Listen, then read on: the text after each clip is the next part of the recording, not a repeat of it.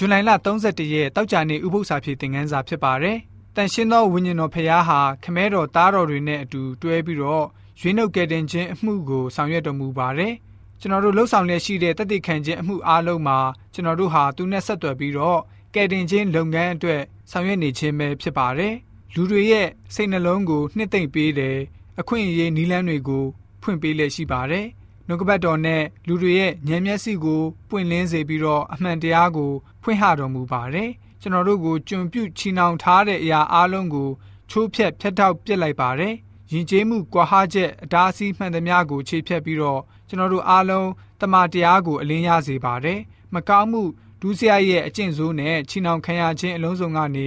လွတ်မြောက်ခွင့်ကိုလည်းပေးပါတယ်။ ယေရှုရှင်အတွက်တသက်ခံတဲ့နေရာမှာကျွန်တော်တို့ဟာတန်ရှင်းသောဝိညာဉ်တော်ရဲ့လှုပ်ဆောင်ခြင်းတကူတော်နဲ့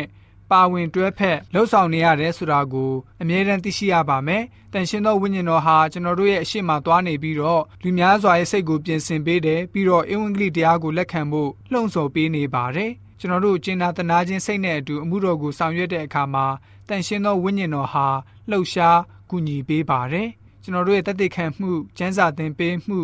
ဝေစာတွေဝေငှမှုနဲ့တမန်တရားကိုဖြန့်ချိတဲ့နေရာမှာတန်ရှင်သောဝိညာဉ်တော်ကအမြဲကူညီပါတယ်။ဧဝံဂေလိဟောပြောခြင်းမှာလည်းပဲပါဝင်ကူညီမြဲဖြစ်ပါတယ်။လူတွေရဲ့စိတ်နှလုံးအတွင်းဝင်ရောက်လှုပ်ဆောင်ပြီးတော့ကယ်တင်ခြင်းအသိဉာဏ်ရရှိတဲ့အထိလမ်းပြကူညီပေးမှာဖြစ်ပါတယ်ဆိုပြီးတော့တောက်ကြနေဥပု္ပ္ပစာဖြစ်သင်ခန်းစာကဖော်ပြပေးထားပါတယ်။ဥပု္ပ္ပစာဖြစ်သင်ခန်းစာ9ကတော့ဒီလောက်ပဲဖြစ်ပါတယ်။ ဥပု္ပ္ပစာဖြစ်အစီအစဉ်တစ်ဆက်သူကျွန်တော်ဆက်ဆောက်ပါ။ကျမ်းနာတော်သူရောက်စီတိုင်းဝิญဉ်ခွန်အားနဲ့ပြေဝကြပါစေ။ကျေးဇူးတင်ပါတယ်။